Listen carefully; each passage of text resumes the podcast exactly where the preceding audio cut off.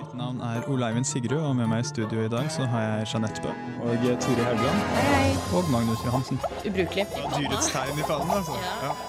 Ja, eh, jeg er enig i at det er en veldig spennende idé. Molekyler med rare navn. Populærvitenskap gir labdidab. Du håper du, du er en av dem. Uillustrert vitenskap.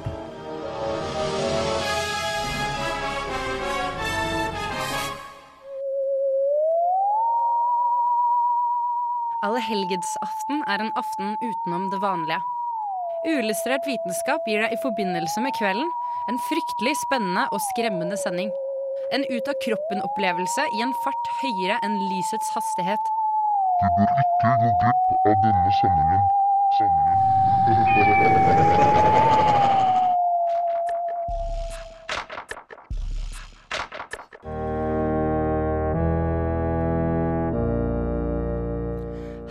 og velkommen til Uillustrert vitenskap alle helgens spesial. I studio sitter Jeanette Bø Hallo. og jeg, Turi Haugland. Og eh, Jeanette, hvordan har vi tenkt å feire halloween? Nei, det eneste jeg kommer til å gjøre, er jo å ha den sendinga her da, med det skumle bakgrunnsmusikken. jeg driter i halloween. Jeg syns det er en skikkelig håpløs eh, tradisjon. Hvor, hvor, hvor det, jeg kunne godt tenkt meg å kledd meg ut hvis jeg hadde hatt råd til de dyre Darth Vader-kostymene, f.eks. Det hadde vært greit, men, men sånn som det er nå, så føler jeg folk bare går rundt og ser ut som idioter med hoggtenner. Hjemmelagde kostymer er Ja, ikke alltid vil ha meg altså. frabedt uh, de, altså. Uh, ja, jeg kunne egentlig tenke meg at du eh, var en person som ikke kledde deg ut uh, til en idiot på uh, allehelgensaften. Sist kledde jeg meg ut som jente. Jente. Ja. Ikke dårlig. Eh, Halloween er jo ifølge tradisjonen kvelden der skillet mellom den fysiske verden og den åndelige verden er på sitt svakeste. Natten for eh, overnaturlige fenomener. Eh, så en annen måte å feire halloween på er jo å dra fram eh, Ouija-brettet. Ja, Eh, så det er sant. Jeg vet ikke om du har hatt noe eh, erfaring med det fra Selvfølgelig. Ung av? jeg var jo liten, og, og så lagde vi sånn eh, Lagde et eget sånn brett av eh, papir og penn. Og så styrte vi den her Å, takk. Så styrte vi den her eh, glasset da, som vi satt oppå. Så den ble kjørt bort til bokstaver, da, som selvfølgelig en av oss eh, styrte. Uten å si det. Ja, det skjedde med meg òg. Det skjedde en gang der det faktisk eh, bevegde på seg, det glasset. Og den andre gangen gjorde det ikke. Så tydeligvis så manglet den personen som faktisk styrte det rundt, da. Men eh, ja. Eh, uansett, eh, Ole Eivind har tatt titt på også et annet overnaturlig fenomen. Ja, det er jo uh, ut av deg sjæl-opplevelse. Eh, han var på TAM nå, The Amazing Meeting i London. Mhm.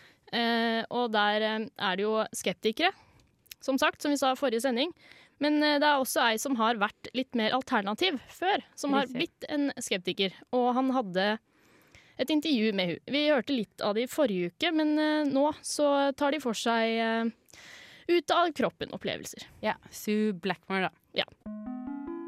I then seemed to be out of my body and looking down on it. I was able to fly all over the world, wherever I wanted to go. Dette hendte Susan Blackmore for 40 år siden.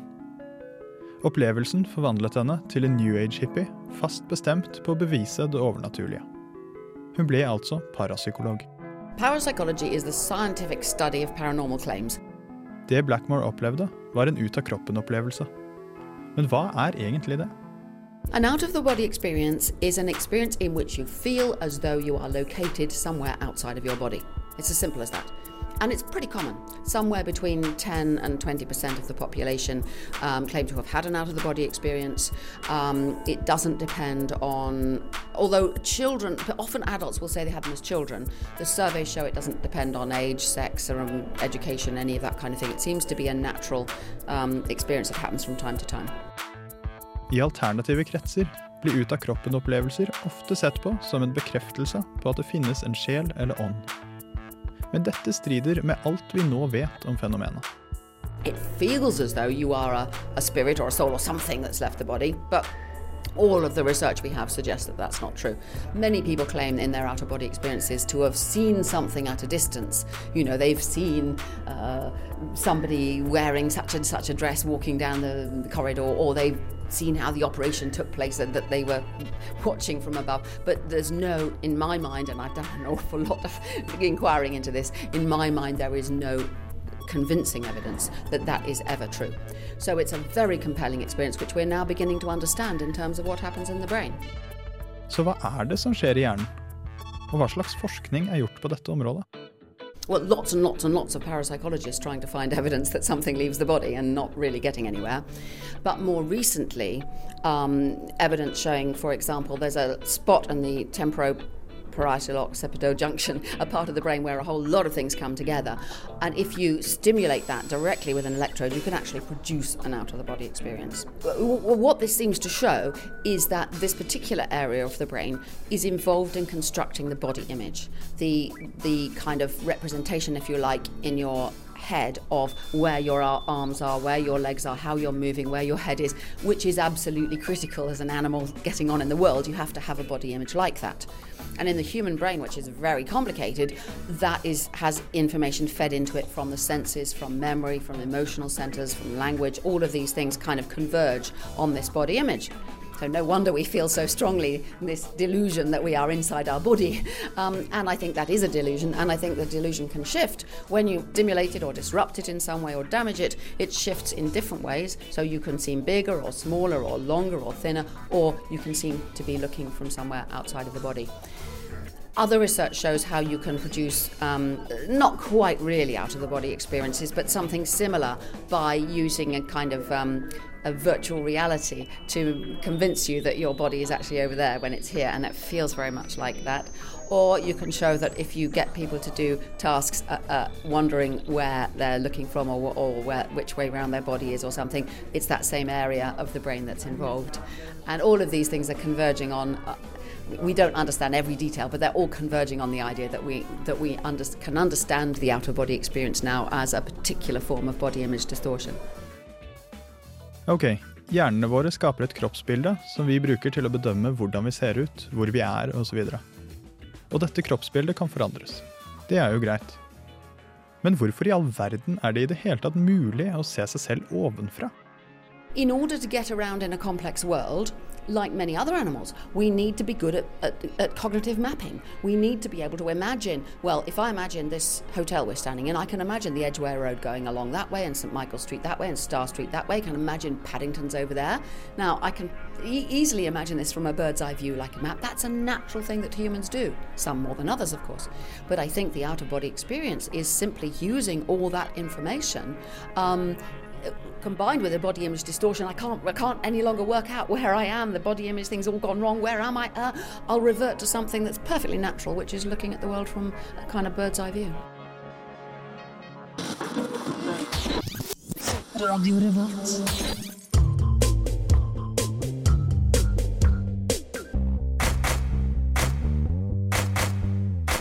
Uillustrert vitenskap. Radio Revolt. This is Charles L. Bennett from Johns Hopkins University. Science, it works, bitches. Du lytter til Uillustrert vitenskap, og vi har et lite algen, all, allehelgens-tema på gang. Og Jeanette, du har tatt en titt på litt eh, utenkelige hastigheter. Eh, lysets hastighet er jo på 300 millioner meter per sekund. Og det er vel, om ikke det høyeste, så en av de høyeste hastighetene vi kjenner, Ja, eller, eller har mål til dags dato. eh, Vi har jo greid å eh, lage, eller få noe opp i den hastigheten. Nesten den hastigheten på jorda. Eh, men eh, eh, vitenskapsmenn tror jo at eh, noe har forflytta seg fortere enn det eh, ved universets begynnelse og sånn. Eh, men eh, hvis vi tenker på at vi skal reise i den farta, over lysets hastighet, så må vi tenke litt på warp drive, som eh, vi har kanskje sett i, eh, i Star Trek. Hvor, Ja. eh, hvor eh, de plutselig sitter i romskipet og må komme seg veldig fort til en annen galakse. Og så kjører de gjennom en sånn tunnel. Eh, Så jeg ville finne litt ut om det her er fysisk mulig, om vi noen gang kommer til å få det til. Mhm. Så det kan vi egentlig høre på nå. Space, the final frontier. These are the voyages of the Starship Enterprise. Warp drive, Mr. Scott.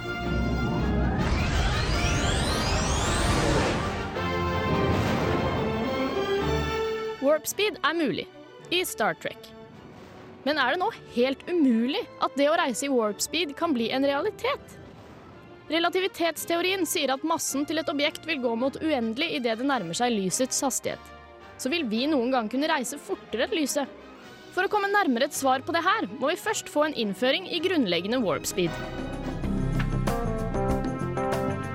Kosmiske ormehull kan være en åpning til andre enden av universet, men forskere leter stadig etter et annet smutthull i relativiteten, nemlig warp drive. Ifølge astrofysikeren Richard Obausi vil ikke warp drive fungere slik at det er vi som kjører gjennom verdensrommet, men at vi faktisk flytter på selve verdensrommet selv. Et objekt som beveger seg gjennom verdensrommet, vil jo følge reglene for relativiteten. Men det finnes ingen slike regler for selve verdensrommet. Flott. Da er vi litt på vei. Men er det her mulig å gjennomføre? Ifølge en rekke astrofysikere vil den nødvendige teknologien ikke være tilgjengelig før i en fjern fremtid. Man vil også møte på problemer når det kommer til energien som kreves for å få til warp drive. Tidligere teorier antydet at man ville trenge mer energi enn du kan finne i hele universet. Så ble det skalert ned til all energien i en enkelt galakse. Den siste versjonen av Richard og Obausis egen warp speed-modell trenger vi nå kun den energien man får om man gjør om hele Jupiters masse til ren energi. Han sier at problemet gikk fra å være helt umulig til bare veldig, veldig, veldig vanskelig.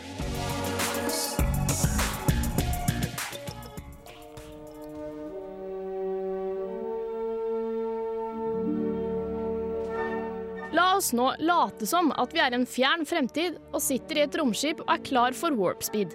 Vil det her da være en trygg kjøretur? Radiologiprofessor William Edelstein ved John Hopkins University skrev tidligere i år om noen av problemene med raskere enn lyset reiser. Hans hovedbekymring var hydrogenet som befinner seg i verdensrommet. Det er ikke mer enn ca. to atomer per kubikkcentimeter, men det er allikevel nok til å være altfor farlig.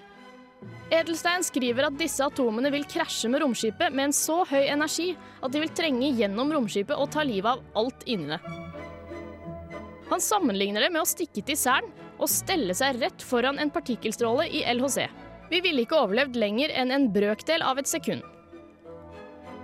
Æsj. Men teknologiske spådommer fra science fiction blir jo virkelighet rett som det er. Vi så jo alle iPaden i Kubrick-klassikeren 2001 En romodyssé. Jeg for min del velger å fortsette å vente i spenning.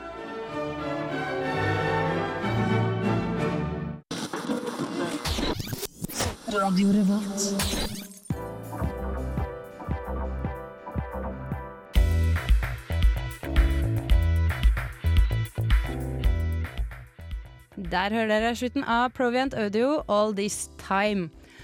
Eh, jeg eh, har forhørt meg litt denne uken rundt på Psykologisk institutt om gleden rundt det å bli skremt, fordi det er jo det halloween egentlig handler om. Eh, for hvem er det egentlig som ønsker å bli Altså å skvette? Du får pulsen dundrende i halsen og Jeg syns det er litt morsomt på, på tivoli. Ja, litt. jeg skvetter jo ikke. Jeg vet jo at den bakken i, i berg-og-dal-banen kommer snart, men jeg liker å være litt redd. Du gjør det? Ja. Er litt adrenalinkick, kanskje? Ja. Eh, I hvert fall så kom jeg i kontakt med Ellen Beate Hansen Sandsæter. Eh, hennes doktorgradavhandling heter Scary Funny, og den kom ut i mai 2010. Så hun var veldig godt egnet da, til å fortelle meg om fenomenene, fenomenet rundt hvorfor vi liker å bli skremt. Og det intervjuet skal vi få høre nå.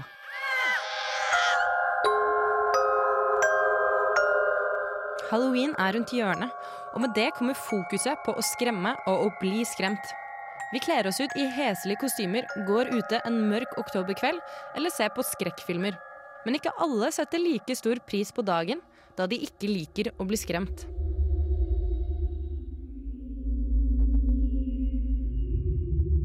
Dette mener jeg høres mer fornuftig ut.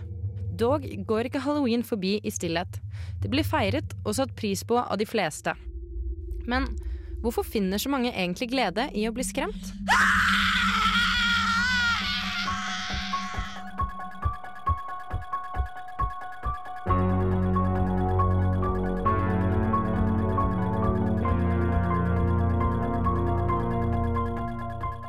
Ellen Beate Hansen Sandsæter sin doktorgradavhandling het Scary Funny. En kvalitativ studie av risikofylt lek blant barn. Hun ga meg svar på spørsmålene rundt gleden folk finner i å oppsøke frykt og spenning. Først og fremst kan du forklare hva som skjer med kroppen når vi blir skremt?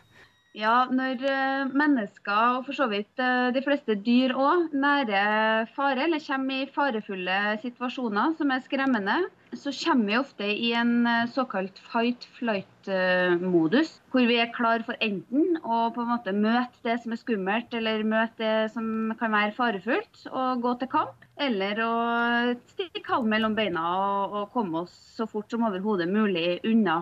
Og i en sånn, akkurat i denne modusen der, hvor vi vurderer hva, hva skal vi gjøre, hvordan er situasjonen, så får vi eh, en del fysiologiske reaksjoner som øker spenningsnivået både fysisk og for så vidt også psykisk. Pulsen går opp, eh, sanseinntrykkene blir mye sterkere, vi får masse adrenalin som pumper gjennom eh, kroppen, og, og alt blir veldig sånn intenst akkurat i den modusen der. Det vil jo oppfattes da som en ganske stresset situasjon, egentlig. Hvorfor tror du folk velger da å bli skremt?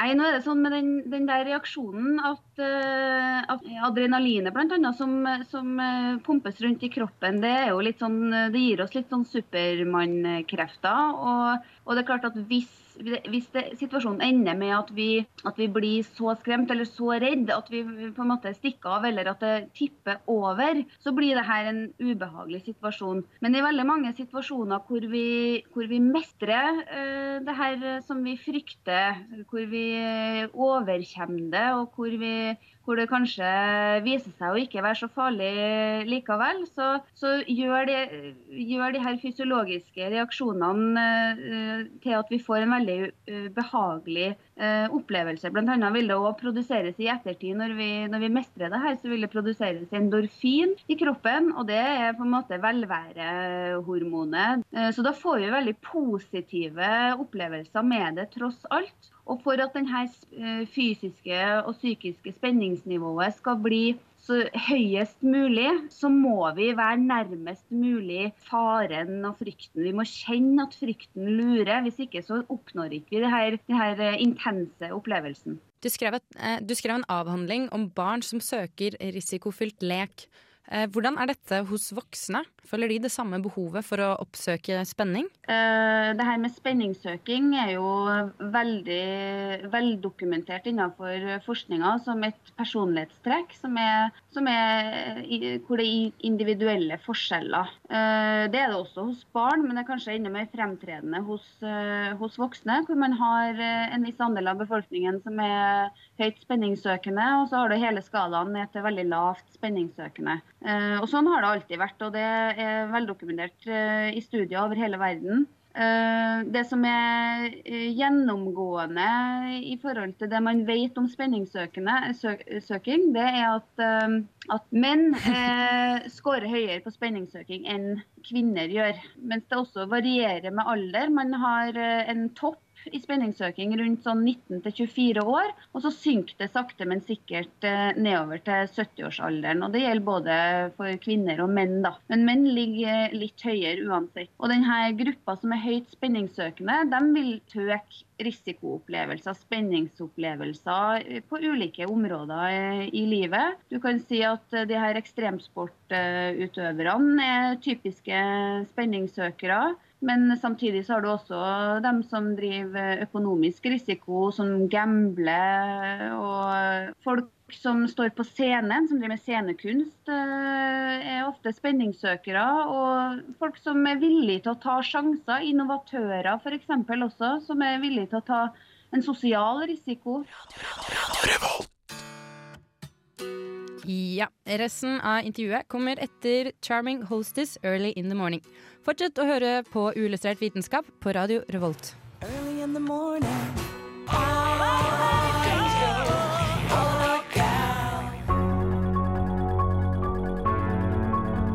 Hva er grunnen til at vi søker spenning? Det er nok eh, flere faktorer som spiller inn. Eh, Det er jo gjort biologiske undersøkelser på det, og man har funnet ut at eh, det er Man finner forskjeller sånn biologisk sett, eller fysiologisk, da, hos høyt spenningssøkende personer og lavt spenningssøkende personer. Det er forskjeller i fysiologien som gjør at de som er høyt spenningssøkende, trenger sterkere stimuli for å oppleve på en måte det samme spenningsnivået, det her kroppslige og psykiske spenningsnivået.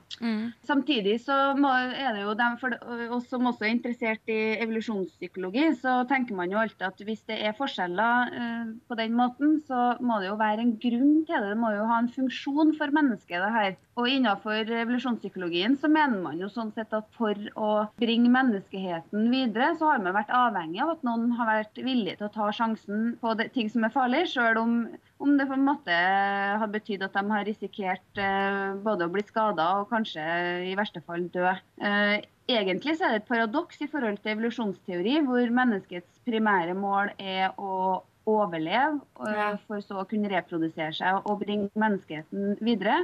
Samtidig så er det jo også klart at man har jo en sosial faktor, faktor i det her. Og, og du kan si at eh, verdimessige ting i samfunnet vil også være med å påvirke eh, i hvert fall i hvor, stor grad det her er sosialt akseptabelt eller ikke.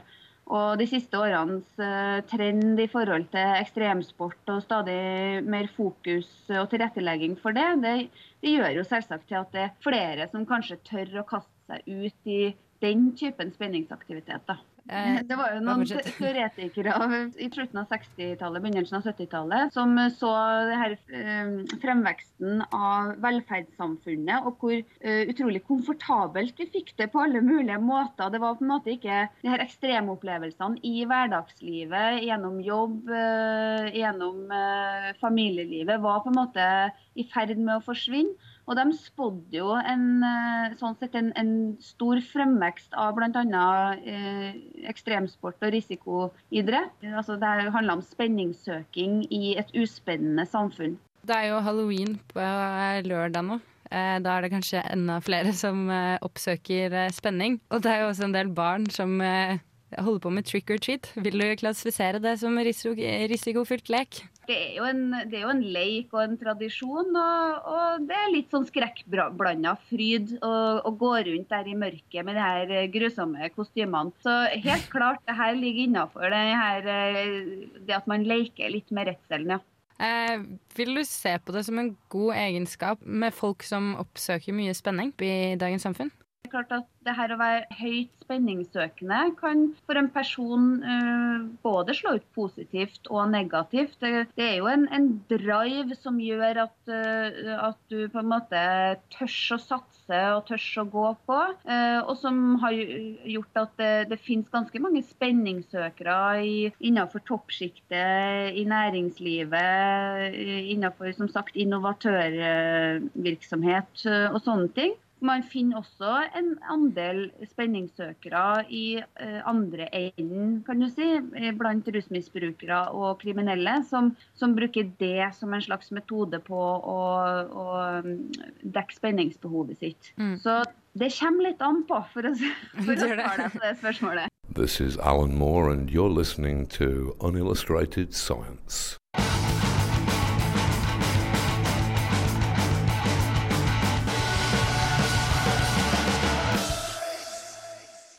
Der hørte dere 'Killing Joke' av Nei, 'Fresh Fever from the Skies' var det. av 'Killing Joke'. Sånn var det. Bra. Ja, det, Takk til eh, Ellen Beate Hansen Sandsæter, som eh, fortalte meg hvorfor folk finner glede i å bli skremt. Eh, Jeanette, er du av den eh, lettskvettende typen, eller skal det litt til før du blir skremt? Eh, jeg faller, jeg skvetter hver gang av den her gjemme seg bak døra og vente på at Jeanette kommer-trikset. Jeg hyler veldig høyt, blir livredd. Eh, og så er jeg skikkelig redd for å skli på isen. Når jeg går, og så kjenner jeg Oi, nei, nå, nå glipper, eh, glipper skoene mine taket. Da hyler jeg kjempehøyt, eh, selv om jeg ikke falt. Ah, Veldig forstyrrende, fordi jeg går jo ofte alene. så jeg får noen rare blikk. Noen eh, rare blikk. Men eh, det er jo litt forskjellige ting eh, folk egentlig blir eh, skremt av. Eh, I forbindelse med programmet Horror Night så har eh, Trond Bårgård intervjuet instituttleder ved Institutt for psykologi på NTNU, Leif Kenner, om akkurat det å være redd for noe, ha frykt og angst. Og han fortalte litt om ting mennesker generelt egentlig frykter. Vi kan høre på den nå. I dag så er vi redd for nesten nøyaktig det samme som vi var redd for for 100 000 år siden. De fleste mennesker er redd for små dyr. Det vil si edderkopper, eller slanger, eller insekter av forskjellige typer, eller fugler. Og i tillegg så er vi redd for litt større dyr. Um, vi er redd for hunder, uh, bjørner og andre rovdyr. Men der er det viktig å skille mellom frykt og angst igjen. Så er vi redd for mørket, høyder, vi er redd for å være alene. Og vi tenker at de fleste av disse fenomenene som vi er redd for i dag, de var vi like redd for for 100 000 år siden som vi er i dag. Slik at eh, det vi ikke er redd for i dag, er jo slike ting som myndighetene prøver å skremme oss med. Røyking. Veldig få som er fobisk imot røyking. Eh, Fett og sukker. Ikke like skummelt som myndighetene vil at vi skal tro. Ubeskyttet sex, f.eks. Absolutt ikke så skummelt for de fleste som edderkopper eller rotter. Radio Revolt. Uh, ja, Jeanette, kjenner du deg igjen? Uh, ja, jeg er jo ikke redd for sukker og fett, men Det er sant. jeg er skikkelig redd for rosiner. Rosiner? Ja, for Hvis du kjøper sånn her ferdigpakke med boller uten rosiner, står det på uten rosiner, så er det hender at det har lurt seg med en rosin i den maskina eller hva det nå er, som baker de fordømte bollene. Og jeg hater det verste jeg vet, er når jeg plutselig tygger i en sånn stygg rosin i bolla.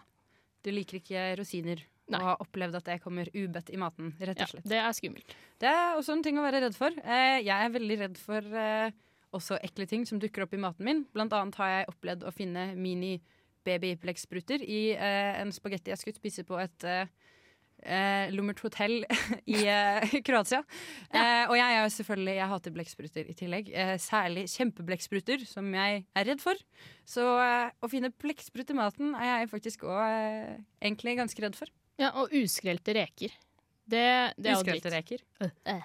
Jeg liker ikke rekehårene. De synes jeg er Ja, sånn, det er som, som små edderkopper, og så er de altfor mange bein. Alt for, eller hva det er. Jeg vet ikke, det er jo ikke bein. Men det er, det er noen, sånn- de ekle tingene som stikker ut. Og så plutselig øh, når, du, når du skal skrelle det, så plutselig kommer det sånn Ah, ja, rogn æsj, på noen æsj. Åh, Jeg hater det. Jeg hater det. Eller rekehjerne. Ja, jeg hater jo, eh, apropos ekle ting, eh, mark og snegler. De jævla skogsneglene, de, de har jeg veldig veldig stort problem med. Og det tror jeg egentlig ganske mange kjenner seg igjen i. Det er sånn evigvarende frykt. I hvert fall hos damer. da, Sånn slimete ting. Ja. Mark. Og ting med mer enn mer enn fire bein. Ja, Det er ofte Små kryp. Men uh, egentlig er det jo litt rart at vi er uh, redd for det. Men ja, hvem vet. Eh, I hvert fall så eh, skal vi kjøre videre med enda en del av intervjuet av Life Can Air. Fordi Trond spurte han om hvordan det er med folk som har enten ekstrem frykt for ting, altså ja, angst for alt, eller folk som ikke har angst i det hele tatt. Eh, de har da drevet på med et eksperiment med fisk som er avlet til å ha eh, ekstrem frykt, eller ikke noe frykt i det hele tatt. Og vi skal høre hvordan det gikk. Der har vi et spennende eksperiment der man har avlet frem guppier, akvariefisk, som enten er kjempemodige, altså hypofobe, de er for lite redd, øh, svært nervøse guppier, som er avla frem for at de skal være overdrevent redd, og helt normale guppier. Så er det slik at hvis du putter en råfisk oppi akvariet, så dør selvfølgelig de som er overmodige først. De blir spist først, for de tar ikke vare på seg selv. Mens de som er for redde, de har jo en tendens til å gjemme seg bort og verken få spist nok eller formert seg. Sånn at eh, det som har for lite angst eller for mye angst, altså for lite frykt eller for, for mye frykt, det er begge deler uhensiktsmessig. Ja, så eh, kjipt hvis du er redd for alt, og ikke vær for overmodig heller. Det ender aldri bra. I hvert fall ikke med den stakkars lille Giuseppe-fisken. Eh, noe du oppdaget tidligere i dag som jeg fant ut at jeg var eh, ganske redd for, var noen ekle menneskelignende roboter. Æsj, ja. ja. Men eh, mer om det etter Your Headlights Are On med Disco Bar.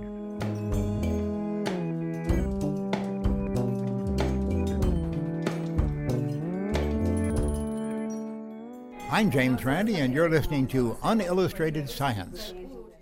Det stemmer, og vi har en eh, allehelgens-spesial i dag. Eh, I forbindelse med det så oppdaget eh, jeg i dag at eh, menneskeroboter, eller menneskelignende roboter, kan være utrolig ekkelt. Vi har jo kanskje alle sett den Artificial Intelligence-filmen til Steven Spielberg. Men man kunne kanskje ikke tenke seg at de likevel skulle klare å lage eh, menneskelignende mennesker. Nei, og at de vil, det lurer jeg på. Ikke sant? Og det er jo, det er jo eh, disse her eh, japanerne, da. Som Ja. er veldig glad i menneskelignende roboter. Fordi nå har de søren meg gjort sykehusopphold litt verre enn det allerede er. For nå, nå har de installert en menneskelignende robot Mhm. på et sykehus. Og det her er en sånn robot som ser, det, det ser Jeg skjønte ikke at det var en robot. Dere må, dere må søke på det, alle lyttere. Søk på Lifelike AIST-robot. Da får du en video av det grusomme kvinnemennesket. Eller ikke Mm. menneske, kvinneroboten. Ikke sant? Ja. Der ser du. Som, og det hun gjør, er å herme etter ansiktsuttrykkene dine. Eh, så når du ligger der i sjukesenga, så, så sitter det faktisk en robot der, da. eh, På en stol. Hun, heldigvis virker ikke beina, så hun kommer ikke og dreper deg. Men du kan ikke gå noe sted, du heller, fordi du ligger i en sykeseng og sitter og hermer etter deg. For å, for å, jeg, jeg skjønner ikke helt hvorfor, men hun skulle jo fungere som en slags observatør da, og måle pasientens reaksjon på hva nå enn. På eh, absolutt ubehagelige tilfeller.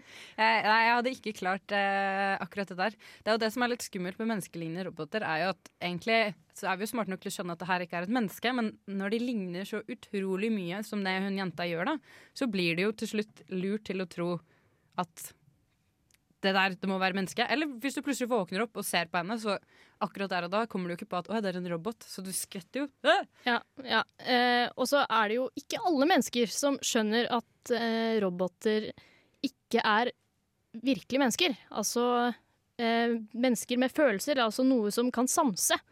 For eh, i eh, Washington, universitetet der, et, et av de sikkert, eh, så er det et studie som har blitt gjort på 64 babyer. Hvor de hadde en sånn vanlig robot fra gamle filmer, sånn firkanta hode og sånn. Den ser virkelig ikke menneskelig ut. Eh, Men de hadde den med seg i et rom sammen med en baby. Eh, Babyen satt på morens fang, mens eh, de hadde en robot i rommet som de behandla som et menneske. Og så satte de roboten og babyen alene i et rom. Og det viste seg at eh, 13 av 16 babyer trodde at eh, den roboten her var et menneske, og begynte å herme etter bevegelsen da, til, til roboten, følge blikket og sånn. Og det, det syns jeg er skikkelig ekkelt. Ja, det syns jeg også er ganske ekkelt. Vi har vel ikke lyst til å begynne å blande det inn i hverdagslivene våre? Nei. Helst ikke. Så slutt å bygge menneskelige roboter. Slutt, slutt. Ja, slutt å bygge roboter. Jeg har ikke lyst til å ende opp i sånn artificial intelligence eller Matrix også. Hallo. Det ja, burde bli ja, tatt nok lærdom av de filmene der. Eh, over til noe annet. Her er Jens Ka Karelius, 'The Beat of the Travel'.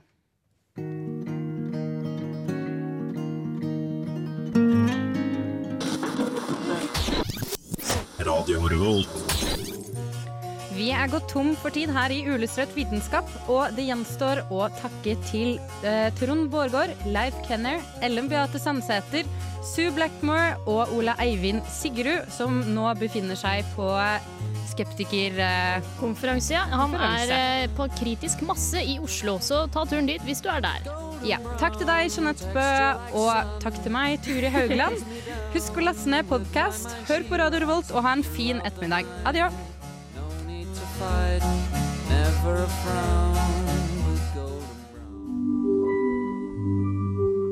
Uillustrert vitenskap er Midt-Norges eneste teknologimagasin på lokalradio. Og vi snakker om alt fra populærvitenskap til sære forskningsprosjekt ved NTNU. Radio Revolt, studentradioen i Trondheim, er stolt av å kunne presentere podkaster fra de aller mest populære programmene våre. Hvis du har lyst til å høre mer fra Radio Revolt, hvem vi er og hva slags musikk vi spiller, så kan du høre oss på FM-båndet i Trondheimsregionen, eller streame sendingene våre live på radiorevolt.no.